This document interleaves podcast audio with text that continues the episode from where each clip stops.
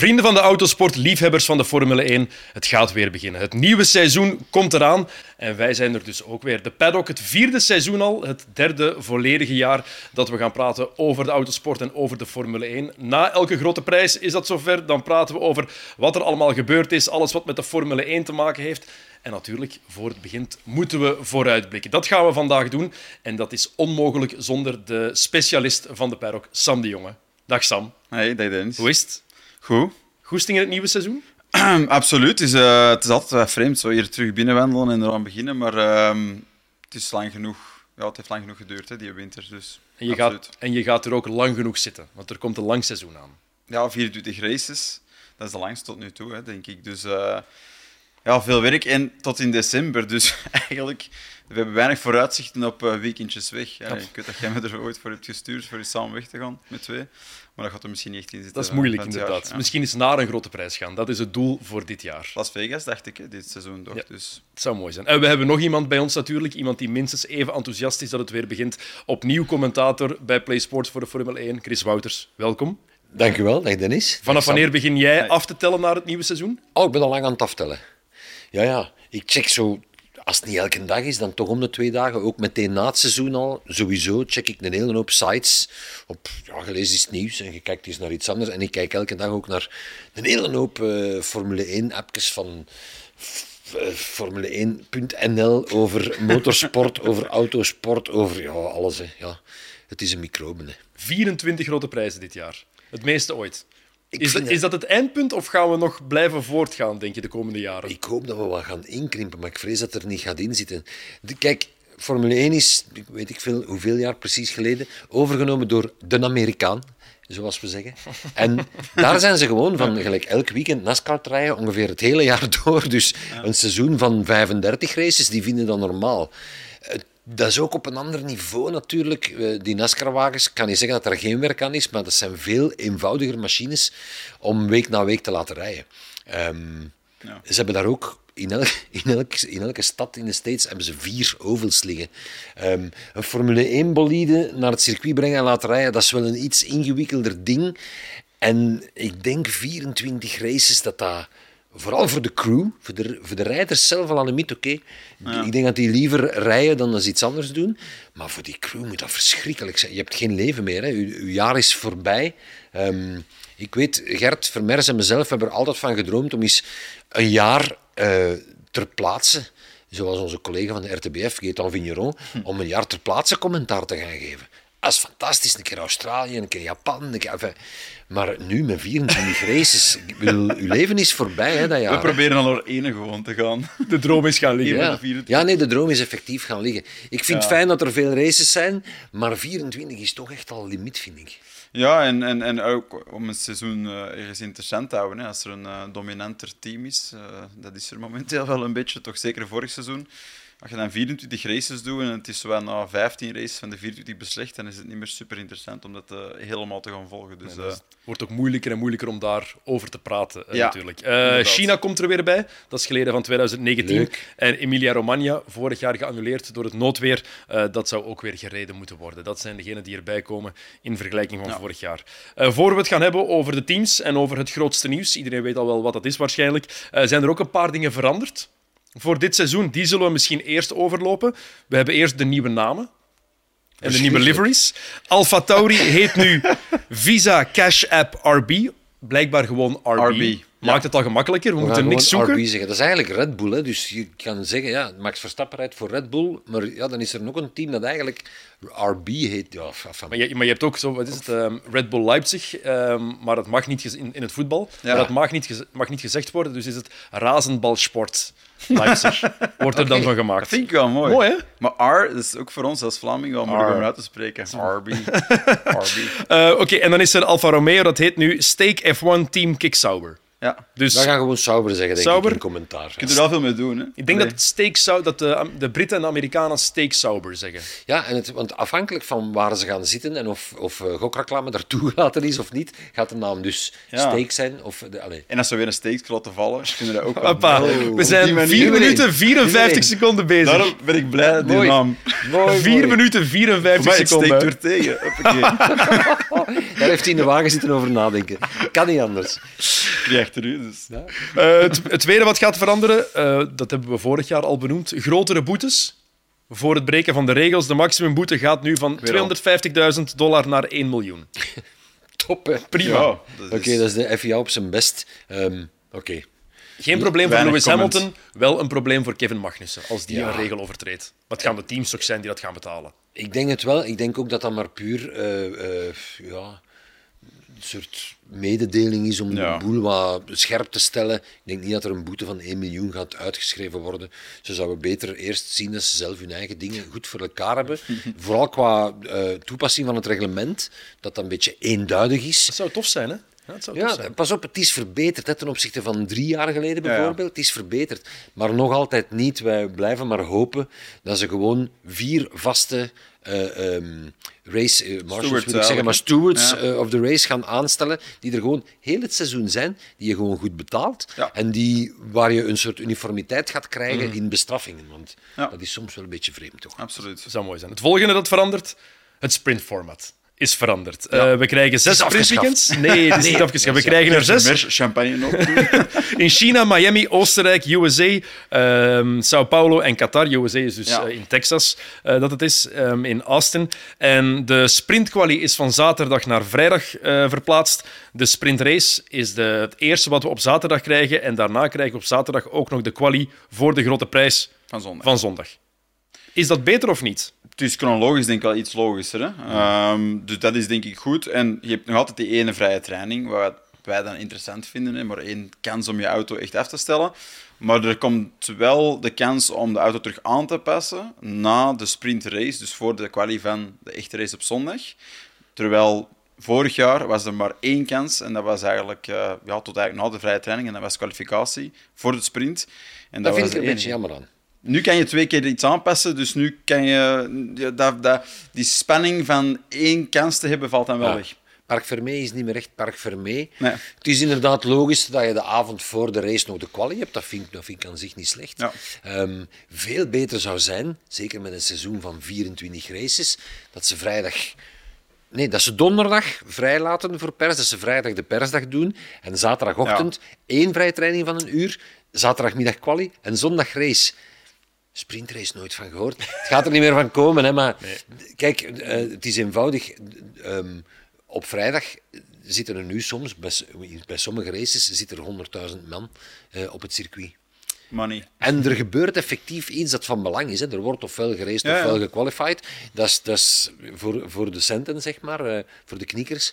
Dus voor de promotoren ter plaatse is zo'n raceweekend leuker. Absoluut. Maar voor ons...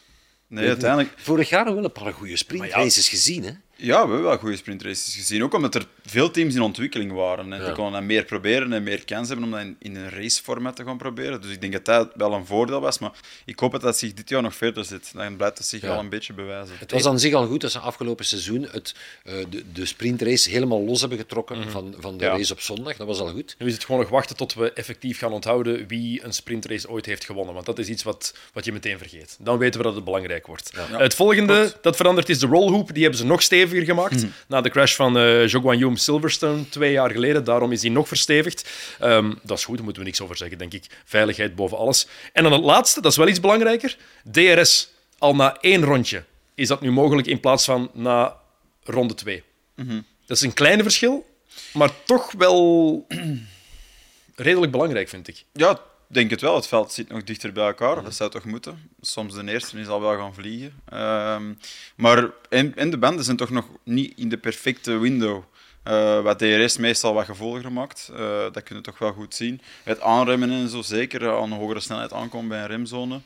Dus ja, ik denk, allez, meestal Formule 1 teams perfectioneren zo'n ding in de simulator en piloten gaan er vrij snel uh, zich gaan aanpassen. Dus ik denk niet dat we er heel veel verschil aan gaan zien. Ik vind het wel een goede beslissing. Ja? Ja. Dat tweede rondje was over het algemeen toch maar weggegooid zonder DRS. Um, omdat na de start of na de herstart zit alles zo dicht bij elkaar dat je nog moves en inhaalmanoeuvres ziet zonder DRS op punten waar ook geen DRS-zones zijn soms.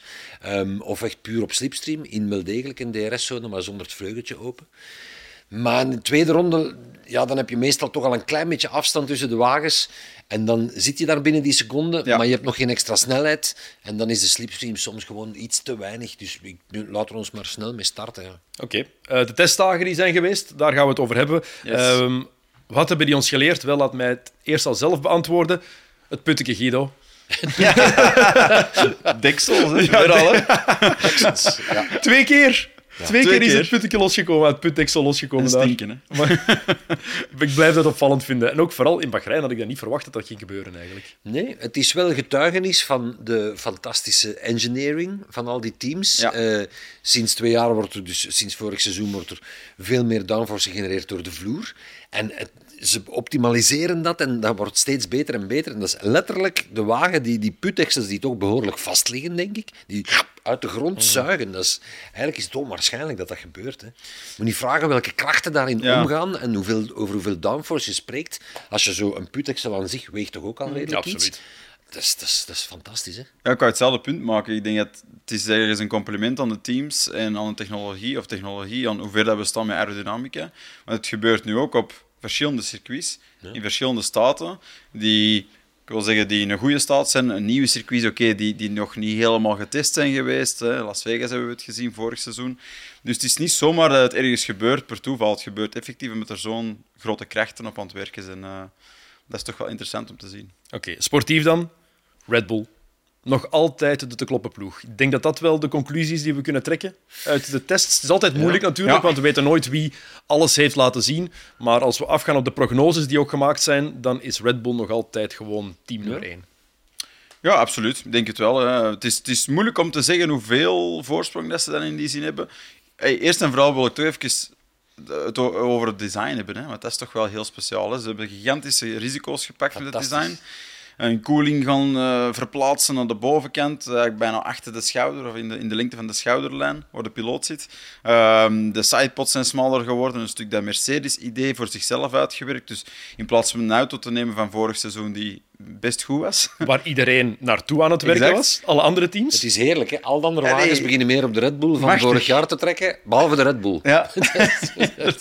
en toch zijn ze nog altijd de beste. Ja, tenminste, zo lijkt het toch. Hè? Want we weten natuurlijk niks, maar zo lijkt het toch na die tests. Nee, maar natuurlijk, ze zijn niet zomaar in die richting gegaan. Hè. Van, die auto ziet er zo uit omdat zij vanuit de windtunnel zien dat dat het beste is om te doen, aerodynamisch gezien. En omdat ze de beste uh, hebben, met Adrian Newey. Iemand die dat kan en die dat durft uitwerken. Hè. Ja. Vergeet niet dat Red Bull vorig jaar zo oppermachtig was dat ze na, bij wijze van spreken, na tien races wisten ze al, we gaan hier beide titels pakken. Dus die hebben al redelijk vroeg hun aandacht verlegd. Ook al omdat ze met die boete nog altijd sukkelden van die uh, budgetcap van het jaar tevoren. Dus ze kregen minder windtunneltijd. Dus ik denk dat ze vrij snel naar een concept zijn gegaan en daar hun aandacht op, ge, op gevestigd. De laatste zes, zeven races hebben we eigenlijk nauwelijks nog evolutie gezien in die wagen van Red Bull. Die hebben halfweg het seizoen, denk ik, al richting 2024 uh, ja. alles, alles gericht. Hè? Dat is eigenlijk grappig, want die hebben eigenlijk in die zin de rest in de foute richting gestuurd. Van zo gezegd met het concept te werken dat ze vorig jaar gelaunched hebben, dat al heel goed was. Wat dan nog eens gebaseerd was op het jaar daarvoor. We weten het niet, hè? Nee. Dennis, voor de duidelijkheid, uh, rij je met 20 kilo eh, benzine mm. of rij je met 80 kilo benzine, dat scheelt twee seconden of meer op een ronde. Volgens de data, dus... volgens de data die, want ze doen ook niet prognoses en die simulaties en mm. zo, volgens die data uh, zouden ze nu uh, 0,22 seconden voorsprong hebben op de eerste achtervolgers. Kijk, mm. dat is weinig hè, in vergelijking met... In, in één rondje, hè, in één rondje. In het snelste rondje, ja. Dat is een Ferrari. Dat is Ferrari. Ja. En 0,38 op de nummer 3. Ze hadden, natuurlijk, ja, ze hadden ook een gigantisch goede longrun. Um, wat natuurlijk in, dan eigenlijk het belangrijkste is. Maar Ferrari ook redelijk wel. Ook redelijk terwijl dat vorig jaar het probleem was voor mm. Ferrari. Ja. hadden de eerste helft van het seizoen zeker misschien wel de snellere wagen op één rondje. Maar op, Ferrari vrat de banden op en dus op, uh, op longruns kwamen ze echt veel te kort op Red Bull. hopelijk Kijk, we zien het altijd. Het is het, straks uh, dit seizoen en volgend seizoen, de laatste twee jaar van een technisch reglement alles kruipt dichter bij elkaar. Sowieso, dat gaat volgend jaar nog, erger, nog meer zijn. Maar dit jaar, dit jaar al. Zeker gelukkig, ja. Uh, Fernando Alonso die omschreef het op deze manier. Er zijn nu al 19 rijders die weten dat ze geen wereldkampioen gaan worden. ja. Ik vind het heel opvallend dat hij niet 18 zegt, ja, ja. maar 19. Ja, ja. vorig jaar kunnen we niet echt anders, denk ik. Maar Perez uh, weet van zichzelf ook dat hij die ambitie niet meer moet uitspreken. Maar is, is het mag er... ze denken, maar... Maar is het terecht volgens jullie dat de rest eigenlijk nu al, voor we nog maar één seconde echt hebben gereisd, moeten zeggen Nee, het zal niet voor 2024 zijn. Ik wil ook niet zo denken. En Formule 1 is meer dan op de testdagen met een wagen komen. Ja. Het gaat over een evengoed een ontwikkelingswedstrijd. En mm. Vorig jaar is Red Bull ook heel goed gebleken in de ideeën die er nog lagen. Maar bijvoorbeeld Mercedes heeft vorig jaar een veel grotere inhaalbeweging gemaakt. McLaren hetzelfde, oké, die vertrokken met een relatief slechte wagen. Dat helpt, Allebei, dan, heb je, dan heb je meer marge. maar toch, allee, het gaat over een ontwikkelingsreis. Hè. Als je twee, drie minder goede ideeën hebt onderweg om de wagen te laten evolueren en de, de tegenstander heeft wel goede ideeën, mm. een tiende, twee tiende van een seconde op een heel seizoen, het, het kan zomaar eens keren, hè? je weet dat niet. Hè? Ik denk dat de best of the rest sowieso vanaf het begin dit seizoen er al dichterbij is dan het begin van vorig seizoen. Zeker. Dus dat geeft hem meer kans. Als zij die ontwikkeling inderdaad, wat Chris ook zegt, die consistentie van de snelheid van die ontwikkeling kunnen aanhouden, dat is eigenlijk het belangrijkste doorheen het jaar. Mhm. Ik denk dat er al veel teams, zoals McLaren, al meer in de juiste groove zitten. vorig jaar duurde dat een aantal races, een helft van het seizoen was het er eindelijk. Maar nu zitten ze er al in, ook qua mindset. Dus dat moet ons toch een beetje opgeven dat er misschien wel een kans dat er toch dit jaar zeker andere teams zijn die ook races kunnen winnen. Misschien niet meteen aan het begin van het seizoen, maar... En je weet nooit, hè, er zijn altijd wel in de eerste paar races, uh, sowieso Bahrein niet echt representatief voor de rest van het seizoen. Ehm, er zijn altijd wel één of twee toch verrassingen in het begin. Omdat op die testdagen, ik herhaal, voor hetzelfde geld heeft Aston Martin altijd met minimum 40 kilogram benzine aan boord gereden. En zijn ze drie viertiende sneller dan we denken. Je, je weet dat dus niet, hè. Iedereen roept maar van alles. En oké, er wordt worden bepaalde dingen in schema's gegoten. En in, maar je weet het gewoon niet. Hè? Wat verwachten jullie van Sergio Perez? Gaat hij effectief iets meer laten zien dan vorig jaar? Ja, een lastiger jaar. Hij is dan wel vice-wereldkampioen geworden. Eerste keer een 1-2'tje voor Red Bull ooit voor dat team. Heeft twee grote prijzen gewonnen. Mm. Twee van de eerste vier heeft hij gewonnen. Twee van de drie die Verstappen niet gewonnen heeft.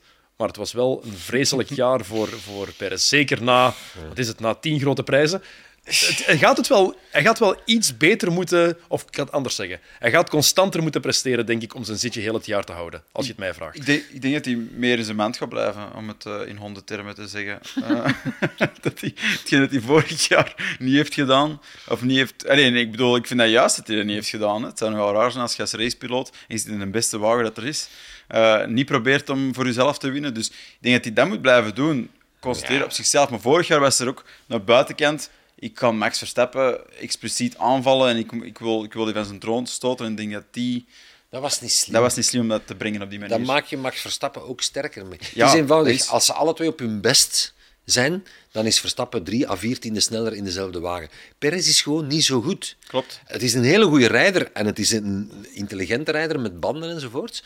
Max Verstappen is de afgelopen jaren zoveel verbeterd dat hij nu op elk vlak ongeveer onklopbaar is. Hmm. Dus als Perez in staat is om dat achter te laten, ik moet Verstappen kloppen, dan denk ik dat hij vrij kan rijden en dan denk ik dat hij de meeste kans heeft om heel goed te presteren. En het hangt soms van kleine dingen af, maar het is ook zo, het is een beetje, um, hoe moet je dat noemen? Het is zo'n beetje een brave, half klein beetje sullige... Het is moeilijk om, om, om, temperatuur te pakken ervan, vind ik. Bedoel, wat, wat Rosberg bijvoorbeeld met Hamilton één seizoen gedaan heeft, namelijk alles op alles zetten en het psychologisch spel gaan spelen, een beetje de smeerlap zijn en geen data meer delen. En, dat zit er bij Perez ook niet echt in, heb ik de indruk. Dat is een brave jongen ook. ik weet ook niet of ze dat bij Red Bull zouden toelaten.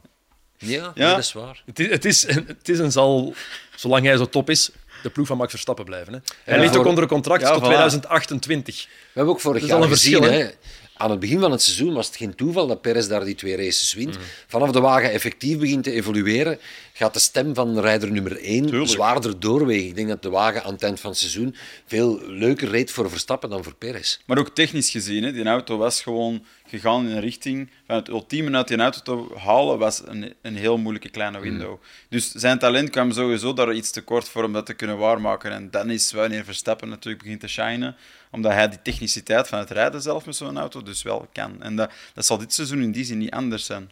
Wat ook nog boven dat team hangt, is de eventuele, nee, het eventuele ontslag. Ik wil de schorsing zeggen, maar het is meer ontslag van Christian Horner.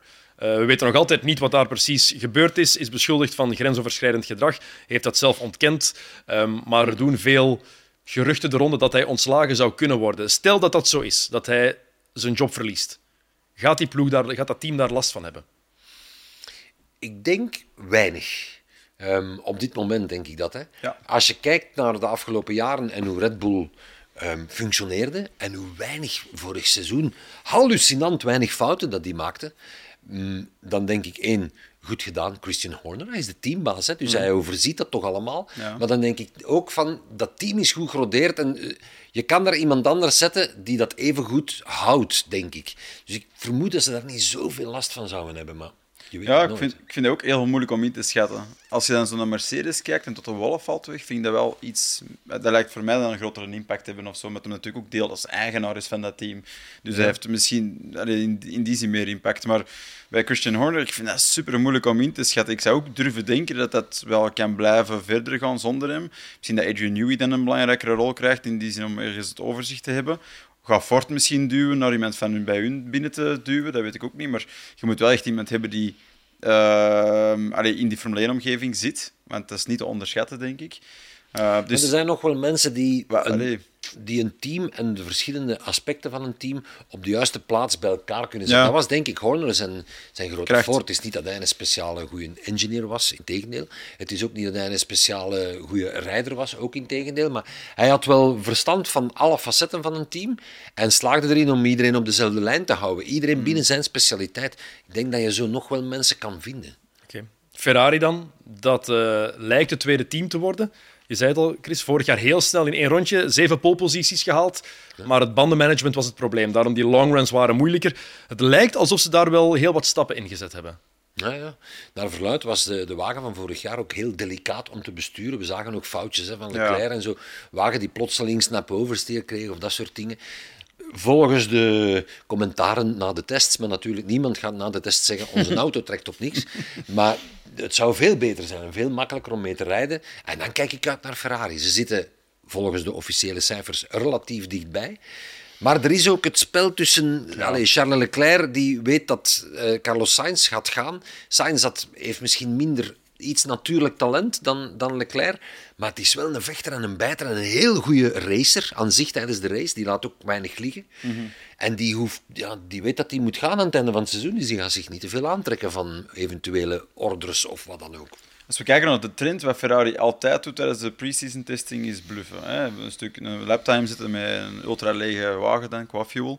Uh, snelle banden eronder en dat doen ze altijd. En in die zin wil ik er ook niet op verder gaan, want als je puur kijkt naar de auto, aerodynamisch, en dat leest ook bij de experts die er trackside aan de, aan de kant van het circuit stonden, als je aerodynamisch kijkt naar de oppervlakken van die auto, dan is er bij Mercedes heel veel gedaan en dan is er bij Red Bull veel gedaan. En bij Ferrari twijfelen ze daar een klein beetje over. Er lijkt een redelijk simplistisch design te zijn, wat zou kunnen betekenen dat ze niet heel veel ruimte hebben om keihard te ontwikkelen naar een bepaalde richting. Dus ik durf er niks over te zeggen. Ik hoop dat Ferrari er is. Ik bedoel, ik denk dat we dat allemaal hopen.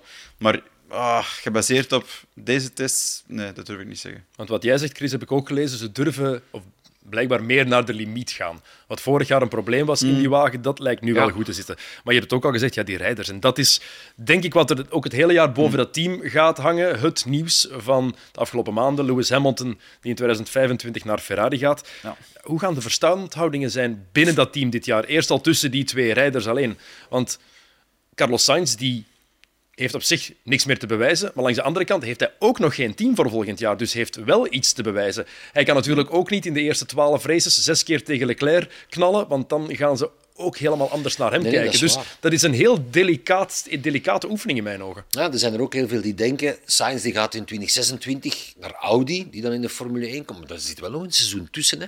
Je moet wel nog, nog iets blijven doen en, en presteren, liefst van al ook. Anders ga je Audi misschien op andere gedachten brengen.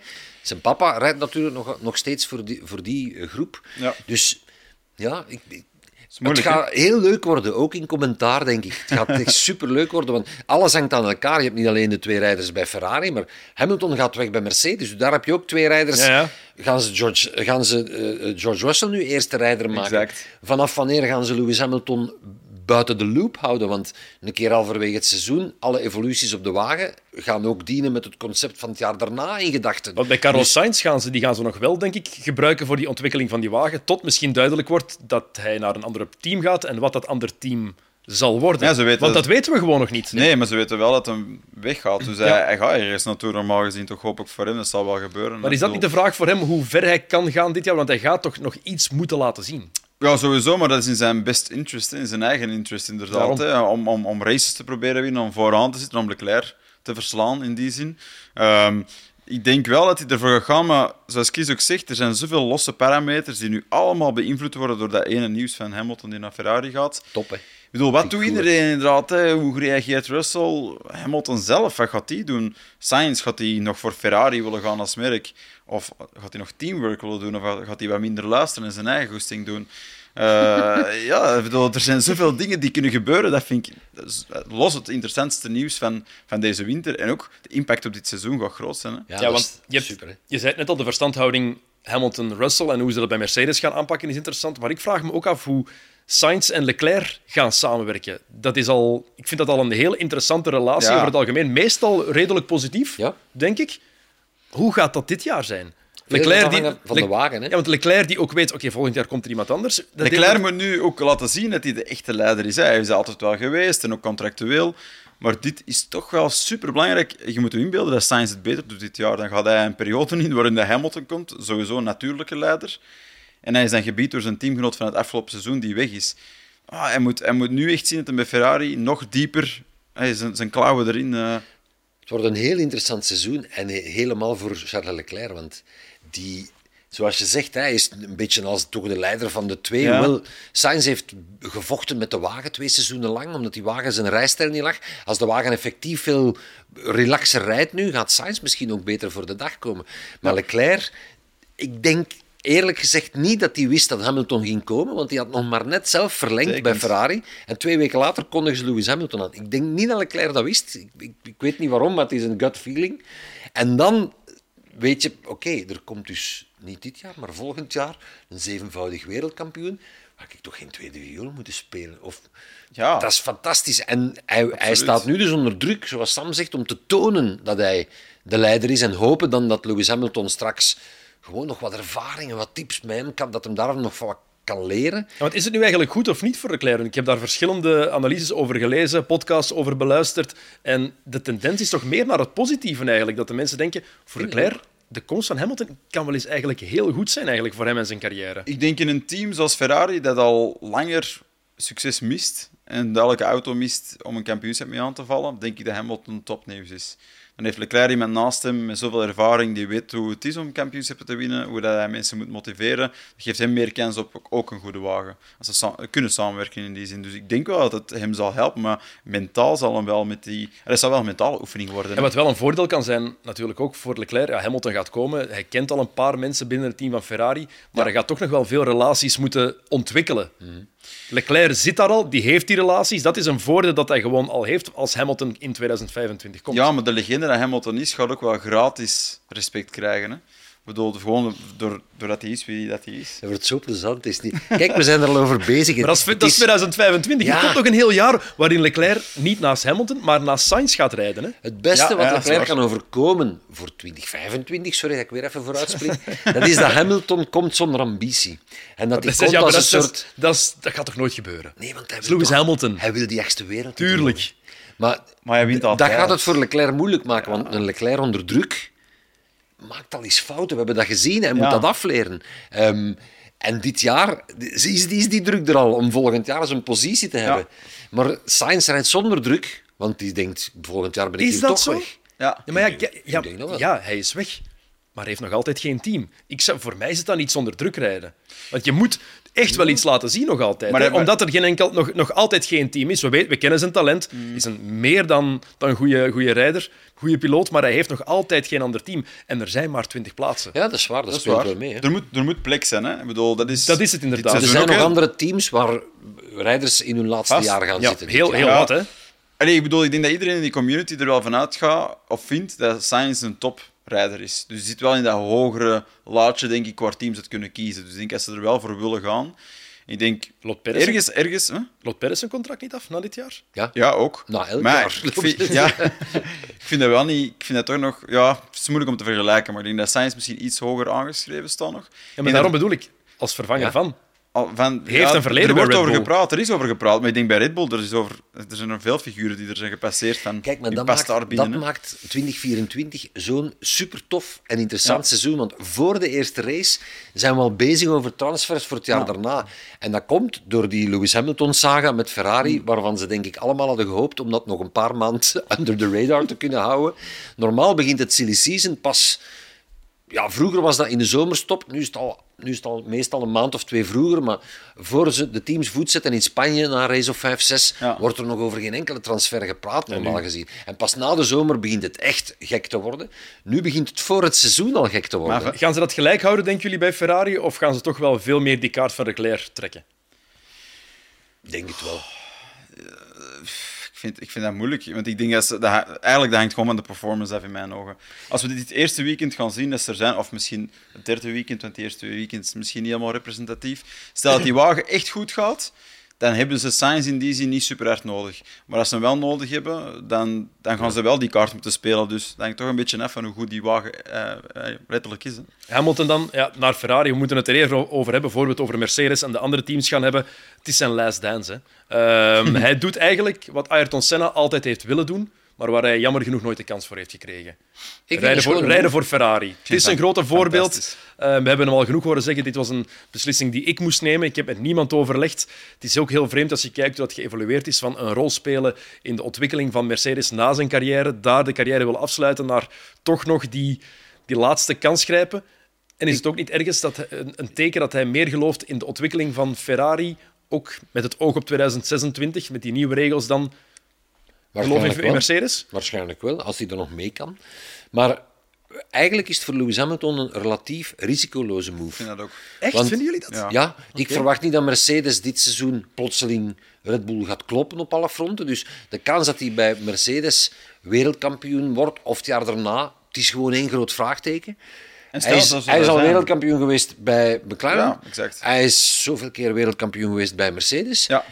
Stel dat het lukt en hij wordt nog wereldkampioen bij Ferrari, ja, dan ben je bij drie verschillende teams wereldkampioen. Dat is, het is nu al forever, maar dan, dus het is relatief risicoloos. Als, als het niet werkt, dan ligt het aan de Ferrari. je gaat nooit kunnen zeggen, het ligt aan Hamilton. Ze zeiden Leclerc natuurlijk. Alhoewel, vorig Zeer jaar... gepresteerd, hè. Maar... Dat, dat- het is, het is die, wel... die kans, die kans is er wel, hè. Maar, maar ik denk ook, ik vind dat ook. Kijk, bij Mercedes nog een titel winnen, leuk, maar nog één extra. So what? Bij Ferrari één, één winnen, ja, waanzin. Ja, Het, het is, land het is, het is, ontploft het is gewoon. meer... Allee. Zijn legacy staat er al, klaar. Ja, Een van de beste rijders aller tijden. Een van de beste piloten die we ooit Hmm. gezien zullen hebben. Als hij nog een bijdoet bij Ferrari, dan, is, Ja. dan, dan kan je hem alleen maar rode draad door zijn carrière. kan je hem alleen maar op één zetten. ja, want ik denk dat hij dat ook wel voelt. Want bedoel, we weten allemaal, die zes titels bij Mercedes... Hybride, Allee, daarvan, ga even, even overdrijven, maar daar had de Sam er ook vijf van kunnen winnen. zeven, Chris. Hier, hier, gaan, hier gaan de keyboard warriors zo hard op gaan. Hier gaan ze Maar zo... ik vind het deze is- een mooi compliment. Nee, nee, Ja, het is, het ongetwijfeld. nee, nee, het is een boetade, maar echt in vijf van die zes seizoenen had hij met voorsprong de beste wagen. En hij is dan ook de betere rijder van de twee. Hij, hij is en blijft een fenomeen. Vanaf zijn eerste seconde in een Formule 1-wagen was het al duidelijk. Hè? Laat Ja. dat duidelijk zijn. Het is... Het enige wat, Topper, hè? ik, wat ik vind bij Hamilton, ik vind een paar dingen bij Hamilton. Ik vind, ik geloof hem niet altijd. Ik, ik, ik, ik, ik twijfel aan de echtheid van. Authenticiteit. Maar dat staat los van zijn kwaliteiten als, als, rijder is hem top, Dat is het maar ding. hij is seconde 1, hij kwam in een team terecht bij McLaren met Fernando Alonso, die net twee wereldtitels had gewonnen. Ja? En als rookie, als jong gastje, heeft hij het hem meteen onmogelijk gemaakt. Hij is snel, hè? En het, jaar, daarna, het jaar daarna was hij wereldkampioen. Werd hij, werd hij bijna wereldkampioen. Ja, in zijn eerste. En het jaar daarna werd hij wereldkampioen. En dan is hij naar Mercedes gegaan, een gok die iedereen zei... Oeh, een zet waar iedereen van zei, wat een gok neem je nu? En het blijft, blijkt de goede te zijn. Misschien voelde hij voor zichzelf ook een beetje verzadiging en zoekt hij een nieuwe challenge zo bij Ferrari. Want je voelde toch afgelopen seizoen, en misschien het seizoen daarvoor ook, hij was dikwijls aan het zagen. Hè? George Russell die communiceerde als een engineer met... Wat moet ik doen om deze race te winnen? Zeg het mij. Eh, ik kan dat of dat of dat. Of die ging zelf van, ik voel dat ik hier nog veel beter kan of kan nog langer rijden op dit setje banden. Hamilton die was alleen maar aan het klagen. Waarom vond- zijn we niet binnen geweest? Waarom hebben we deze banden gezet? Waarom altijd negatief communiceren? Ik vond het heel vreemd. Maar ik vond zien. wel dat je, dat je zag dat Hamilton meer vooruitgang in die, magen, in die wagen maakte dan Russell, naarmate het seizoen vorderde. En dat kwam omdat de wagen effectief verbeterde en hij terug podia in zicht kreeg. Exact. Als Hamilton voor de zesde plaat moet rijden, Ja, geef me dan maar Alonso. Die Exact. echt voor elke millimeter vecht, ook al is het voor P12. En Dat zegt, wel, dat, zegt wel alles over de winnaar die, Alon- die, ehm, die Hamilton ook ergens is. En dat, dan denk ik bij Ferrari, hij gaat niet naar daar voor gewoon in een rode wagen nee, te maar die, rijden, die eh, dat heeft er niet toe gemaakt dat hij die keuze heeft gemaakt. Ik bedoel, dat is iemand die moet uitgedaagd worden. Die moet een- iets heel moeilijk hebben om alles uit zichzelf te gaan puren. En dat, dat, dat, dat ontbrak, denk het laatste half jaar zeker niet. Maar anderhalf jaar ervoor ontbrak dat. Dat was duidelijk dat hem niet op podium kon geraken. Die auto ging eigenlijk totaal niet in de juiste richting, niks lukte. Oké, als je dan de uitdaging hebt van, stel dat ik er na Vettel en Alonso, en die hebben ook al, allebei geprobeerd bij Ferrari, er wel in slaag, omdat die met, zoals Michael Schumacher in de tijd, om te vormen naar terug een kampioenschapswinnend team.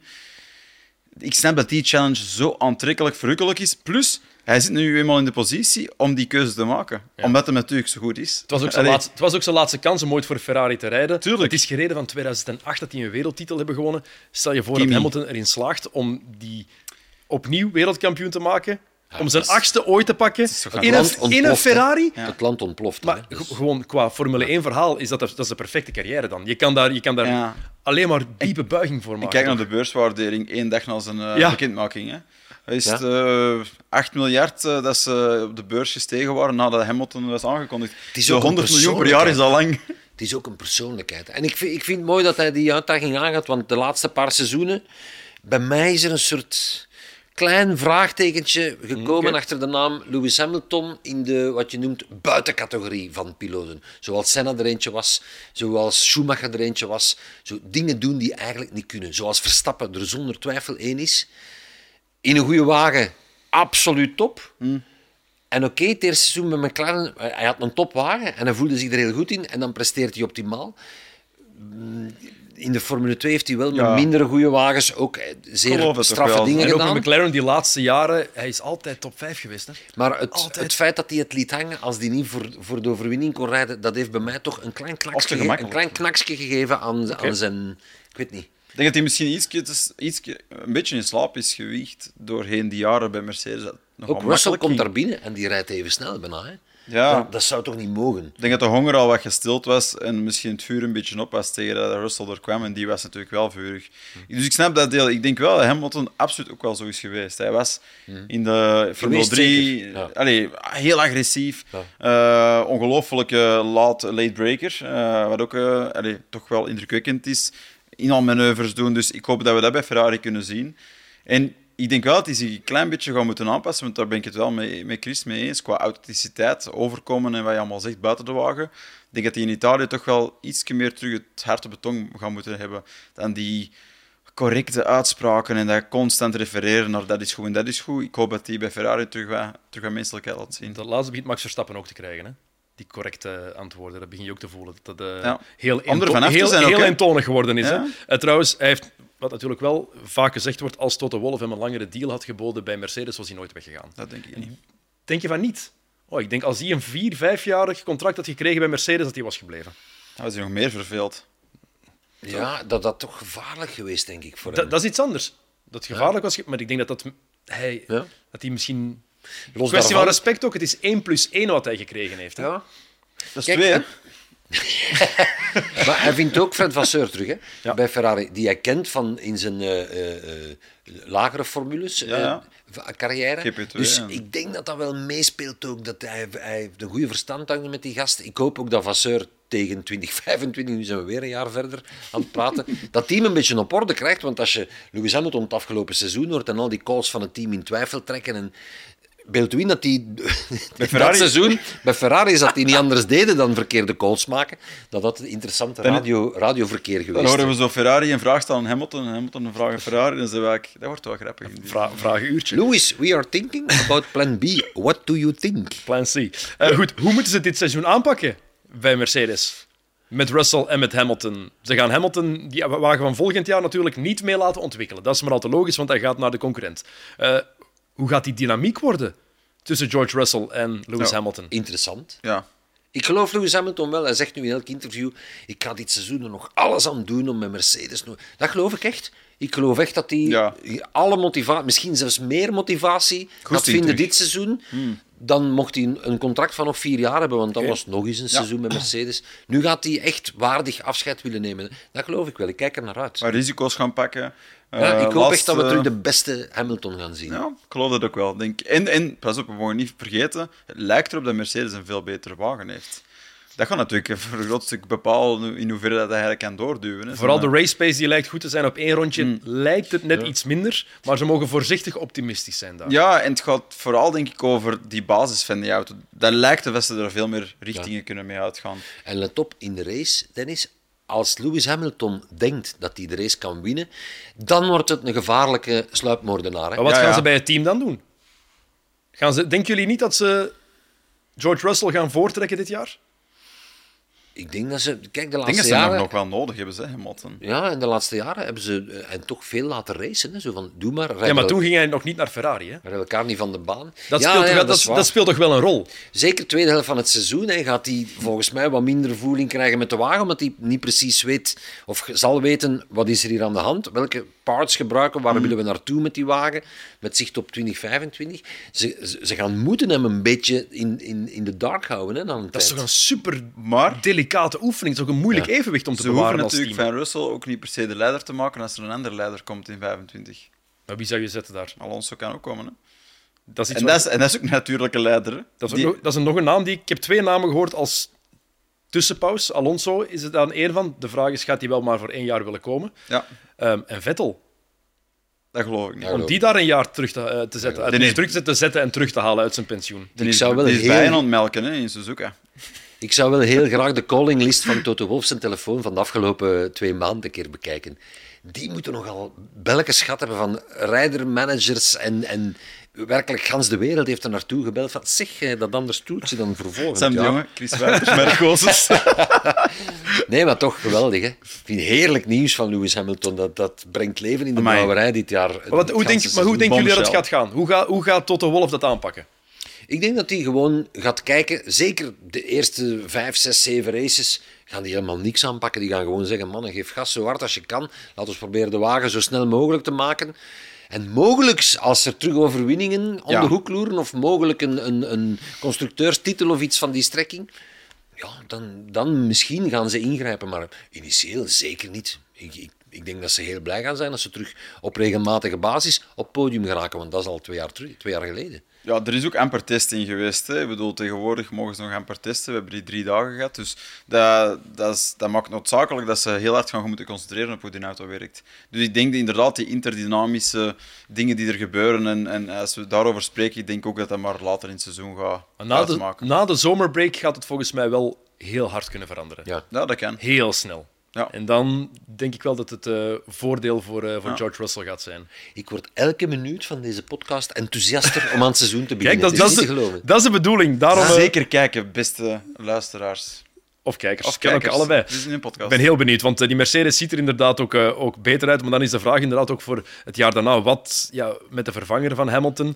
Ja. Um, er staat jong talent te wachten. Antonelli. Antonelli, die slaat Formule 3 over. Gaat meteen naar de Formule 2 maar Toto Wolff is ook niet iemand die een risico gaat nemen en die een jonge gast meteen in die Mercedes gaat zetten. Hè? Het is meer logischer dat hij naar een Williams zou gaan nog een jaartje of ergens wat ervaring mag opdoen, zoals Russell gedaan heeft. Leclerc heeft dat ook eh, daarvoor gedaan. bij Alfa Romeo. Ja. Dus Ik weet het niet. Ik bedoel, als ze willen chockeren, kunnen ze dat wel doen. En als Russell duidelijk zijn leiderskwaliteiten toont, kunnen ze dat ook doen. En afhankelijk van hoe goed een auto is, natuurlijk. Hè. Maar ik bedoel, stel als ze een winnende auto hebben en je pakt dan Alonso, dat vind ik dan wel een combinatie dat je bijna zeker van zijn dat gaat lukken. maar Alonso gaat toch niet maar voor één jaar komen? Pas op, hè, die is ondertussen eh 53 of zo. Dus, ja, Maar die wil, die wil doorgaan tot zijn 53ste, zo lijkt het. Ja, en, dat en dat terecht, te kennen. die, die is echt nog geen milliseconde trager geworden Zot, dan die 20 jaar geleden was. Hè. Zot hoe fit dat die gast ook is. Hè. Maar, dat wordt, echt, dat wordt, maar dat wordt onderschat. Hè. Dat wordt zeker onderschat. Dat is, Veel gaat afhangen van, van hoe George Russell dit seizoen zich gaat Presteert, ja. gedragen en presteert. Ehm, hij, heeft, hij heeft tekenen getoond van absolute snelheid en, en briljante dingen laten zien. En Ja. super sterke races gereden. Maar hij heeft ook steken laten vallen dat je denkt, hij is er nog niet om al de leider van het team te Ja. zijn. Als hij dit seizoen constant top presteert, dan zou het wel kunnen dat ze een Antonelli er bijvoorbeeld langs zetten het jaar daarna, omdat ze weten, nu hebben we hier een George Russell die gegroeid is naar het niveau van, Ja. of bijna het niveau van Hamilton, en we kunnen erop rekenen als teamleader. Ehm, als die dit seizoen nog altijd zo steken laat vallen, ja, dan gaan ze misschien toch aan een soort Alonso-achtige figuur denken. Maar dat gaat ook afhangen van wat Aston Martin doet. Eh, Oké, ik, ik spring nu misschien een beetje van de hak op de tak, Nee, maar die hebben pas eind vorig jaar hun nieuwe fabriek, hun nieuwe windtunnel Ja, ja. enzovoort in gebruik genomen. Daar gaan we in principe pas de, de gevolgen van zien tegen halverwege dit seizoen. Ehm, Maar dat is de volgende vraag die, die ik had op, opgeschreven. De twee aangename verrassingen van vorig jaar. Eén in het begin van het seizoen. Aston Martin, de andere na de zomerbreak. McLaren. Wie gaat daar de grootste stap van zetten? goh, dat is moeilijk te, te Of wie, wie gaat, gaat McLaren kunnen doorgaan op het elan? Ik Lijkt- hoop het. Of gaat het Aston Martin zijn dat net zoals vorig jaar weer sterk begint? lijkt wel dat McLaren ook daarin in aerodynamische ontwikkeling van de oppervlaktes van de wagen, die we dan langs de buitenkant zien, het is natuurlijk veel meer dan dat, zeker onderaan de wagen, maar lijken zij ook wel een klein beetje conservatief te zijn geweest in vergelijking met het eind van vorig jaar. Ehm, dus daar is wel een klein beetje twijfel over. Ze hebben die auto ook wel, wel weer beter gemaakt. De achterkant is beter geworden, maar ze zoeken nog altijd naar grip over de vierwielen. Dat ze nog altijd niet helemaal hebben gevonden. En als je naar de uitspraken, of als je de uitspraken leest liever van eh, Andrea Stella, de teambaas, die heeft toch ook aan van, goh, Red Ze Bull... verwachten er niet te veel van de Nee, eerste eh, er is één iemand, er is één team dat echt een duidelijke sprong heeft gepakt en dat is het team dat al vooraan reed en dat is Red Bull. Als je dat al zegt in het begin van het seizoen, dan verwacht ik niet dat je gigantisch veel eh, indruk maakt. Maar ze willen wel vanaf de eerste races kunnen meedoen voor het podium. Dat is wel het doel van McLaren. Ja, vorig jaar is dat niet gelukt, maar toen kwamen ze echt met een heel slechte wagen. Nu is er inderdaad, wat Sam zegt, de wagen lijkt niet heel doorontwikkeld als je er naar kijkt. Ehm, je weet ook alweer niet met hoeveel benzine ze Nee. reden natuurlijk. Maar voor hetzelfde geld zijn die drie, vier, seconden snel, eh, drie, vier tienden van een seconde sneller. Ehm, vorig jaar is Aston Martin aan het seizoen begonnen met een super doorontwikkelde wagen. Dat zag je ook puur op zicht. Kleine winglets En, en dingen. Waren ze ook heel sterk in het begin van het seizoen. Dan hebben ze de ontwikkelingsrace een beetje verloren tegen Mercedes en, en McLaren. Ehm, ze hadden ook minder marge nog natuurlijk als je al met zo'n wagen, ontwikkelde wagen aan het seizoen begint. Dus daar is het. Ik denk wel dat het twee teams zijn die absoluut terug naar de top willen. Ik denk dat Papa Stroll dat team echt helemaal bovenaan wil zetten. Ehm, Ja. en ik hoop dat ze, ja, ik denk aan het materiaal eh, qua fabrieksmogelijkheden gaat het niet liggen. Die hebben wij echt een super deluxe, Ja. state-of-the-art, splinternieuwe fabriek neergepoot. Met een windtunnel waar alle andere teams een beetje het kwel uit hun mond ook loopt als ze er naar kijken. En, en de mogelijkheden die dat biedt. Ehm, de vraag is, heeft het team zelf genoeg intellectuele power en ideeënpower aan Talent, boord? ja. Ik denk dat ze bij Aston Martin nog twee of drie supertransfers moeten maken. Ja. Meer in, de, in, de, in, het crew, eh, in het crewgebied, eh, engineering. En de vraag, een van de vragen daar is wie het snelst nog eens of voor het eerst een race gaat winnen. Norris, Piastri of Alonso. Ja, sorry, Stroll ga ik Stroll, daar niet nee. bij vermelden. Ja, het, gaat een van die drie zijn volgens mij. Hij heeft wel zijn beide polsen hè, dit seizoen, eh, of tot nu toe, als we niet meer gaan fietsen tussen nu en komend weekend. Hij is, me- hij is meer gaan lopen, zo heeft hij Eh. zich meer voorbereid, heb ik, heb Kijk, ik ik gelezen. hoop Alonso.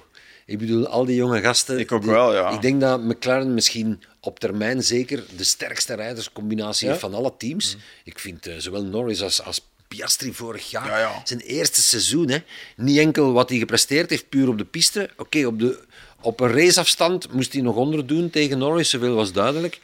Maar de kalmte waarmee die op de radio kwam, ook in, in, op heikele momenten, eh meedogenloos streng zijn voor zichzelf, toen hij zeer goed gepresteerd had en felicitaties kreeg van het team, ging hij op de radio altijd nog op zichzelf zo wat, ja, maar dat had ik beter moeten doen en dat... had- Dat is veelbelovend. Hè? Ja, dat is echt veel beloofd. Ik hoop het voor Norris. Is er al zo dichtbij geweest. Norris, ja. Was het in, in Rusland toen, of waar was het? Ja, dat eh, was in Sochi. hè. Had Ja. hem kunnen hebben, hè? had hem kunnen hebben, daarom ik gun het. En ik heb het voor Norris. Ik vind hem een sympathieke gast. Ehm, ik, ik gun het hem heel hard. Ik gun het hem ook, maar ik, ik schat hem iets minder hoog in.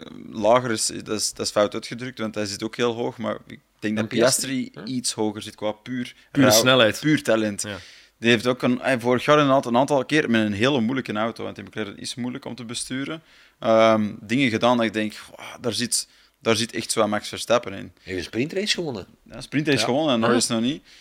En ja, ik weet niet, ik geloof daar iets meer in. Ik denk dat eh, Norris het dit jaar niet makkelijk gaat We hebben. weten toch wie een sprintrace gewonnen heeft. Oké, de andere teams even overlopen. Eh, ik begin met Williams. Vorig jaar razendsnel eh, op de rechte lijn, maar minder stabiel. Dat Ja. zouden ze nu aangepast hebben. Dat ze betrouwbaarder zijn, meer uitgebalanceerd. Maar de tests die waren wel niet fantastisch. Veel veranderd, veel veranderd aan de wagen. Ze zijn betrouwbaarder, maar trager. Ja, consistent traag. Ja, dat is een beetje het probleem. Je kan van een supersnelle wagen die onbetrouwbaar is, die kan je betrouwbaar proberen te maken. Ja. Een, een, een package die niet heel snel is, maar wel heel betrouwbaar, het is veel moeilijker om dat supersnel te krijgen. Dat zijn dingen die elkaar wat tegenspreken. Ja. Ik, hoop het voor, ik hoop het voor Williams. Ze hebben wel vorig jaar dan die Amerikaanse investeringsgroep erbij gekregen. Dus ik denk qua budget dat ze ongeveer op het niveau van de andere teams zitten. Ze zijn redelijk achteraan geëindigd, dus ze hebben wat meer windtunneltijd. Ik hoop zeker tweede helft seizoen dat we een heel goed... Ja, het is... Het is een project in ontwikkeling, denk ik. Hè. Ik Ja. denk dat James Vowles er heel goed aan aan het doen is om dat team te herstructureren. Maar het is, het is iets van de lange adem. En eh, in die zin hoop ik voor Albon dat hij er op tijd weg kan. Over herstructurering gesproken. Haas. Geen Günther Steiner meer, is er weg. Eh, Resta is er ook vertrokken. Eh, Komatsu heeft daar nu overgenomen als de, de grote baas. Ja, dat is heel veel veranderingen. Dat is spijtig voor seizoen 7 van Drive to Survive, dat ook moet komen. Minder gevloek. Eh, minder gevloek, minder Günther Steiner. Hoop ik dan. Eh, maar het is jammer ergens, al waar de tests, als we dan de data moeten geloven, is het de traagste wagen van ze allemaal. Hoera. Ja, Dat was al zo natuurlijk. Hè. ik denk dat Gene Wel het Haas- meeste rondjes gereden. Ook een Ja, prestatie. Ook, ja, betrouwbaar. Ik denk dat. Gene Haas, als die eh, een, een, een, eh, nog zo'n seizoen meemaakt als het seizoen daarvoor, of het seizoen daarvoor, dat hij het op de duur toch beu gaat worden. In, in, allee, Ja, in de States is dat een team wat alleen maar succes heeft. Er zijn andere Amerikanen die graag in de Formule 1 willen stappen. hè. Om de naam Andretti niet te noemen. Ehm, ik denk als die een offer krijgt, die can't refuse, dat hij misschien. zijn, dat hij zijn team gewoon verkoopt. Dan is Maar, er maar, geen- tot, maar tot nu toe is het enkel geld waard, of meer geld waard geworden. Hè. Allee, ik bedoel, initieel bij Drive to Survive, kun je je dat herinnert, die eerste seizoenen, die telefoontjes. eh, Gene, god voor een miljard moet ik het uitleggen. het is niet goed aan het gaan. En dan eh, Ik altijd van, zoveel we- we- medelijden mee met die telefoontjes. Ja. Echt, oh, de baas belt weer. We willen het verkopen, maar dat was nog in een, op een moment dat de Formule 1 nog niet, allee, dat de inkomsten nog niet zo aan binnenstromen waren. Elk team is nu gezond eh, en, en verdient veel geld en die waarde die stijgen. Dus ik denk dat hij dat niet zal willen verkopen. Ehm, Tenzij voor genoeg geld. te, te- ja, tenzij, zoals klopt wel, als er echt inderdaad een offer komt dat, dat hij niet kan weigeren, dan misschien wel. Als, als, de, allee, als de passie er niet in zit en, en, en je voelt dat het project niet vooruit gaat. Maar ik wil even afwachten nu met de nieuwe teambaas, want dat is wel de juiste persoon om dat team vooruit te duwen. De vraag is, hebben ze de rijders hè, bij Haas? Nee. Ja, maar ja, wie moet er daar nu insteken in een auto? Ik vind, het, ik zo'n ploeg als Haas minstens één jonge gast. Vind ik. Dat is een persoonlijke mening. Gewoon, Mm. Ik vind, als je een team bent waar je van weet, we gaan moeten knokken om niet laatst te eindigen, zet er dan tenminste een jonge gast in die je kan ontwikkelen Ja. of waar je, waarmee je andere teams kan helpen voor goodwill te, Ja. te creëren. I don't know. Maar ik wil daar minstens één jonge gast zien. Het probleem is dat je door, door hun rijderssamenstelling al een paar seizoenen weet je gewoon niet wat die wagen eigenlijk waard is. Ik vind dat, Magnussen zag er fantastisch uit naast Schumacher, maar dan komt Hulkenberg in dat team en die rijdt Magnussen naar huis. amai. Terwijl we weten. Hulkenberg, dat is een topcoureur, maar niet buiten categorie. Allee, die doet geen dingen met de wagen die niet kunnen. Mm. Ik denk, zet Alonso eens in, of Verstappen, of Schumacher, of eh, Hamilton in die, in die een haas, om een keer te zien hoe snel die wagen echt is. Want ik, ik heb de indruk dat we het niet weten. Ja. er, zijn, er, staan toch jonge talenten te wachten die, iemand, die een kans willen krijgen. om Liam Lawson niet te noemen. Ja, inderdaad. En, en Ollie Behrman ook in Formule 2. Dan is er de link nog eens met Ferrari, wat, wat er sowieso al is bij Haas. Dus ik bedoel, dat zou ook goed uitkomen. Maar inderdaad, je zou er toch mee iemand moeten instemmen met de honger om zichzelf echt te bewijzen. Om extra mijl te gaan om die auto ergens te plaatsen. En ik denk dat, dat die twee figuren die er nu zitten, dat die daar niet per se hebben, dat element. Je hebt altijd de indruk dat er ergens nog twee, drie tienden van een seconde liggen te wachten. Ja. En die er nog niet echt uitgeperst zijn. Dat toch niet uitmaakt. Ja? Als je toch laatst wordt en het valt toch niet op. Laatst gaan ze niet willen worden. Ze gaan vooruitgang verwachten daar, denk ik. Anders ga je ook niet je team zo overop gooien, lijkt me. Klopt. Uh, Alpine, ik denk dat er niemand is die durft te voorspellen dat is, wat er met dat team die zou gaat wel gebeuren. kunnen worden. Hoe, hoe, dat, was, het was een vijfjaar project, maar ondertussen is dat eigenlijk een vijftien jaar project. Ja, wel, dat, daar wil, dat wilde ik zeggen. Dat is toch straf van een team dat zoveel verwachtingen had om, om iets te bereiken, om mee te doen met McLaren. Ja. En dat was de strijd hè, vroeger. Renault tegen McLaren, Alpine tegen McLaren. En we gaan moeten rekening houden met het feit dat Alpine een startploeg kan zijn dit jaar. Het gaat een beetje reality check zijn, vrees ik. Allee, als we de tests mogen geloven, hè. Je, je weet het nooit, maar... Um, ja, weet, de Fransen denken ook nog steeds, ik heb niks tegen Frankrijk, in tegendeel, I love the country. Maar zij denken nog steeds dat Frans een wereldtaal is en dat Frankrijk een wereldmacht is. Hmm. En ik denk dat ze ook denken dat Alpine een wereldteam is. Op de een of andere reden zit daar zo'n soort... zit bij Fransen er wel een beetje in. Hè? Een vertrouwen dat misschien onnodig hoog is. In, in het voetbal en het basket zijn ze een wereldmacht. De Formule ja, is net iets anders, vrees ik. Maar... Er, is, er, is, er is oneenigheid in, in, hoe de structuur daar moet werken, in wat de planning is, in wat de timing is van die planning. Is het nu vijf jaar? Moeten we er geen datum op plakken? Ik bedoel, ze beginnen wel iets meer realistisch te worden in hun communicatie. Van, we gaan er niet te veel data op gaan plakken. Van, het moet dan goed zijn. Ze hebben wel goede rijders. Ik wou net zeggen, de piloten zijn goed genoeg. Hè? Ze hebben twee heel goede rijders. Hè? Maar weet niet of ze de samenhorigheid hebben binnen dat team om iets hmm. voor te brengen dat werkt. Ik was er, waren daar straks bezig hoe het ging gaan, de verstandhouding binnen Mercedes, binnen Ferrari. Ik denk dat we dit jaar heel veel vuurwerk bij Alpine gaan krijgen. Ja. Echt, ik denk dat die... Zou kunnen. Tegen elkaar... Als het gaat over drama, denk ik dat dat wel eens echt bovenaan de lijst zou kunnen staan. Het beste duo om daarvoor te zorgen.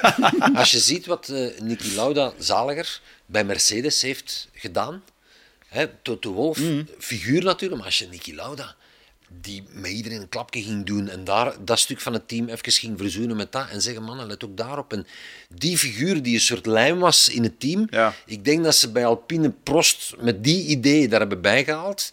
Dat heeft om de een of andere reden niet goed, die mayonaise heeft niet gepakt. Is het daar de persoonlijkheid wel voor?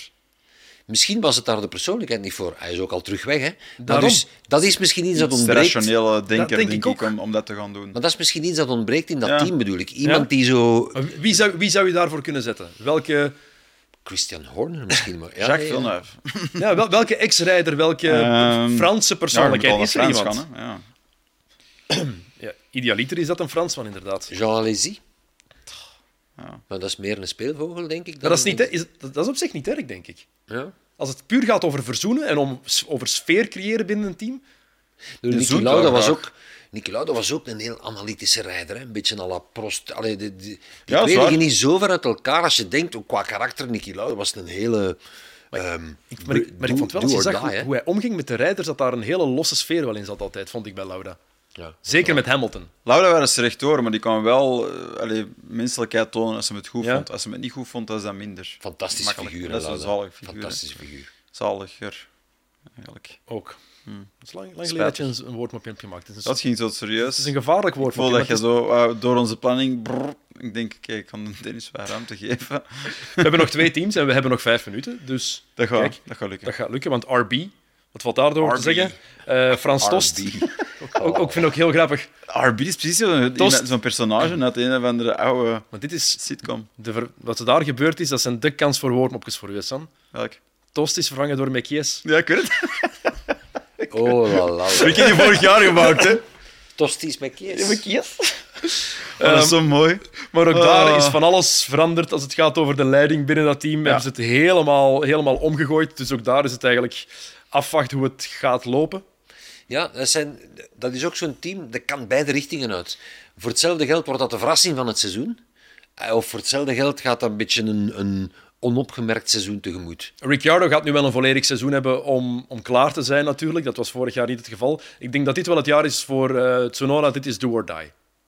Nu gaat hij moeten presteren. Of toch meer laten zien dan de voorbije jaren. Ik vond dat Tsunoda vorig Vond- jaar geen slecht seizoen gereden. Maar niet goed, goed genoeg? Van de tweede helft van het seizoen tegen Ricciardo vond ik wel redelijk goed. Ja. Allee, uiteindelijk qua rondetijden, één, eh één rondetijden en consistentie in de race. Dus Ja. hij gaat wel iets moeten doen om, om op te vallen. Dat bedoel Daar ben ik ik het wel mee eens. Om die volgende stap te Ja. zetten. Dat was eigenlijk waar ik naartoe wilde gaan. Want ik denk als ze verder staan, komt met de, allee, een stuk verder staan met hoe die auto er nu uitziet en rijdt dan, dan ze vorig jaar. Vorig jaar was het dramatisch slecht. Want zou het nog altijd niet ergens het doel zijn om Tsunoda eventueel in een Red Bull te krijgen? Wij, ja, wij zien natuurlijk ehm, de commerciële waarde van een figuur als Ricciardo, die, waarvan iedereen weet, allee, iedereen kent die kop en die smile, en die, dat is natuurlijk een De ongelooflijke marketing marketing, manager van Red Bull. marketingwaarde. Maar onderschat Tsunoda niet en hoe belangrijk die markt is voor Red Bull. Hè. Daarin toosten. Ehm, Ja, maar hij hangt ook wel vast aan Honda. En Honda en Red Bull is ook een eindig verhaal. Ja. Dus gaat dat nog uitmaken. Ja. Vroeger kon Honda zo zeggen, wij willen die kleine erin, letterlijk. Ehm, maar tegenwoordig is dat natuurlijk iets minder het geval met Ford, die, allee, die nu met Red Bull in zee is. hè. Dus ik weet het niet goed. Ik denk wel dat ze, dat, dat ze er beter voor staan. Er is ook heel veel discussie over. Heel het gegeven van eh, twee teams, eh, één entiteit, twee teams in, in een wereldsport. Zack Brown heeft er, dat is nog een ander verhaal, maar dat is wel een interessant verhaal. Ehm, over oké, de stem dat Red Bull heeft, zijn twee stemmen in de groep van de Formule 1-teams. oké, ze werken onafhankelijk van elkaar, maar hoe onafhankelijk is dat eigenlijk? Dus er is wel veel discussie over wat dat nog gaat blijven bestaan. Eh, maar ik denk wel dat ze voor dit seizoen er iets beter voor staan. Oké, laatste team dan. Steak Sauber. Dat is gewoon wachten tot 2026. Ja. Ja. Ja, à point, bleu. Dus eh, als, het, is ja, eh, als het gaat over, als het gaat over een team waar je effectief gewoon niet warm van wordt, is dat team toch? nee, dat is... Omdat je weet wat er aankomt. Ze vallen al wel Ja? op. Ja, die, die wagen die valt op als je hem bekijkt, dat is waar. Ja, maar zeker met hun oude teambaas, die nu ook weg is. Het team mist letterlijk en figuurlijk smoel. Ja. Ja. Ehm, en, Ja, dat is maar waar. En, nu- en oké, iedereen weet, in 2026 komt Audi. Dus het is de boel een beetje warm houden tot dan. Ik, ik zie ook geen mogelijke uitschieters. Of, ook in de rijders is het zo wat... Ik, vind, ik vind het ook heel moeilijk. Allee, Zhou Guanyu heeft nu wel een, een geweldige tijd gereden. In de, ik denk de vijfde beste tijd gereden. Ja. In, de, in, de, in, de, in de Maar tests. Maar wat wil dat zeggen? low fuel, denk ik. Ja. Ik denk dat ze dat... het, is, het is echt zo, ook daar moeilijk om temperatuur te pakken van waar staan. Die vorig jaar vond ik ook al onzichtbaar. Heel soms goed, meer, meeste van de races niet. Bottas, die is aan het uitbollen. Ehm, allee, die, die, is getalenteerd, maar is zo meer met zijn, bezig met zijn leven op een leuke manier uit te bouwen, lijkt het soms. Het is richting fijne carrière. het Ja, inderdaad. Dus ook daar hebben ze iemand nodig, denk ik, met een beetje meer pit in Ja. die, die iets wil laten zien. Rubens Barrichello. Oké. Eh, zaterdag krijgen we voor het eerst eh, krijgen we na 98 dagen zonder race nog eens een race. Vrijdag beginnen wij eraan om half vijf. Begint onze omkadering op Ja. Sports om vijf uur de kwalificaties. Op vrijdag al. Het is uitzonderlijk vrijdag, zaterdag de race. En de week erna is het ook vrijdag kwali, zaterdag de race. Ja. Ik heb er goesting in. En Amai. heel benieuwd. Die, want we gaan nog niet voorspellen wat we verwachten. Want die kwalificatie van vrijdag die gaat pas voor het eerst echt iets duidelijk maken. Dat is het cliché, maar het klopt effectief. Hè. Dus, en dan nog, die eerste, zelfs dat eerste raceweekend, het is een zodanig atypische track dat je nog niet 100% zeker kan de, Mm. de volgorde onder de teams eh, gaan vastleggen. Maar het is wel voor de eerste keer dat, eh, dat er niemand meer gaat sandbaggen. Hè. Zolang dat het maar spectaculair wordt. Dat is heel belangrijk. Chris, bedankt. Sam, Yes. dikke merci. Dankjewel. Eh, wij zien, horen elkaar vrijdag. En Zeker. volgende week, Maandag is er sowieso een nieuwe aflevering van de Paddock, dus heel graag tot dan.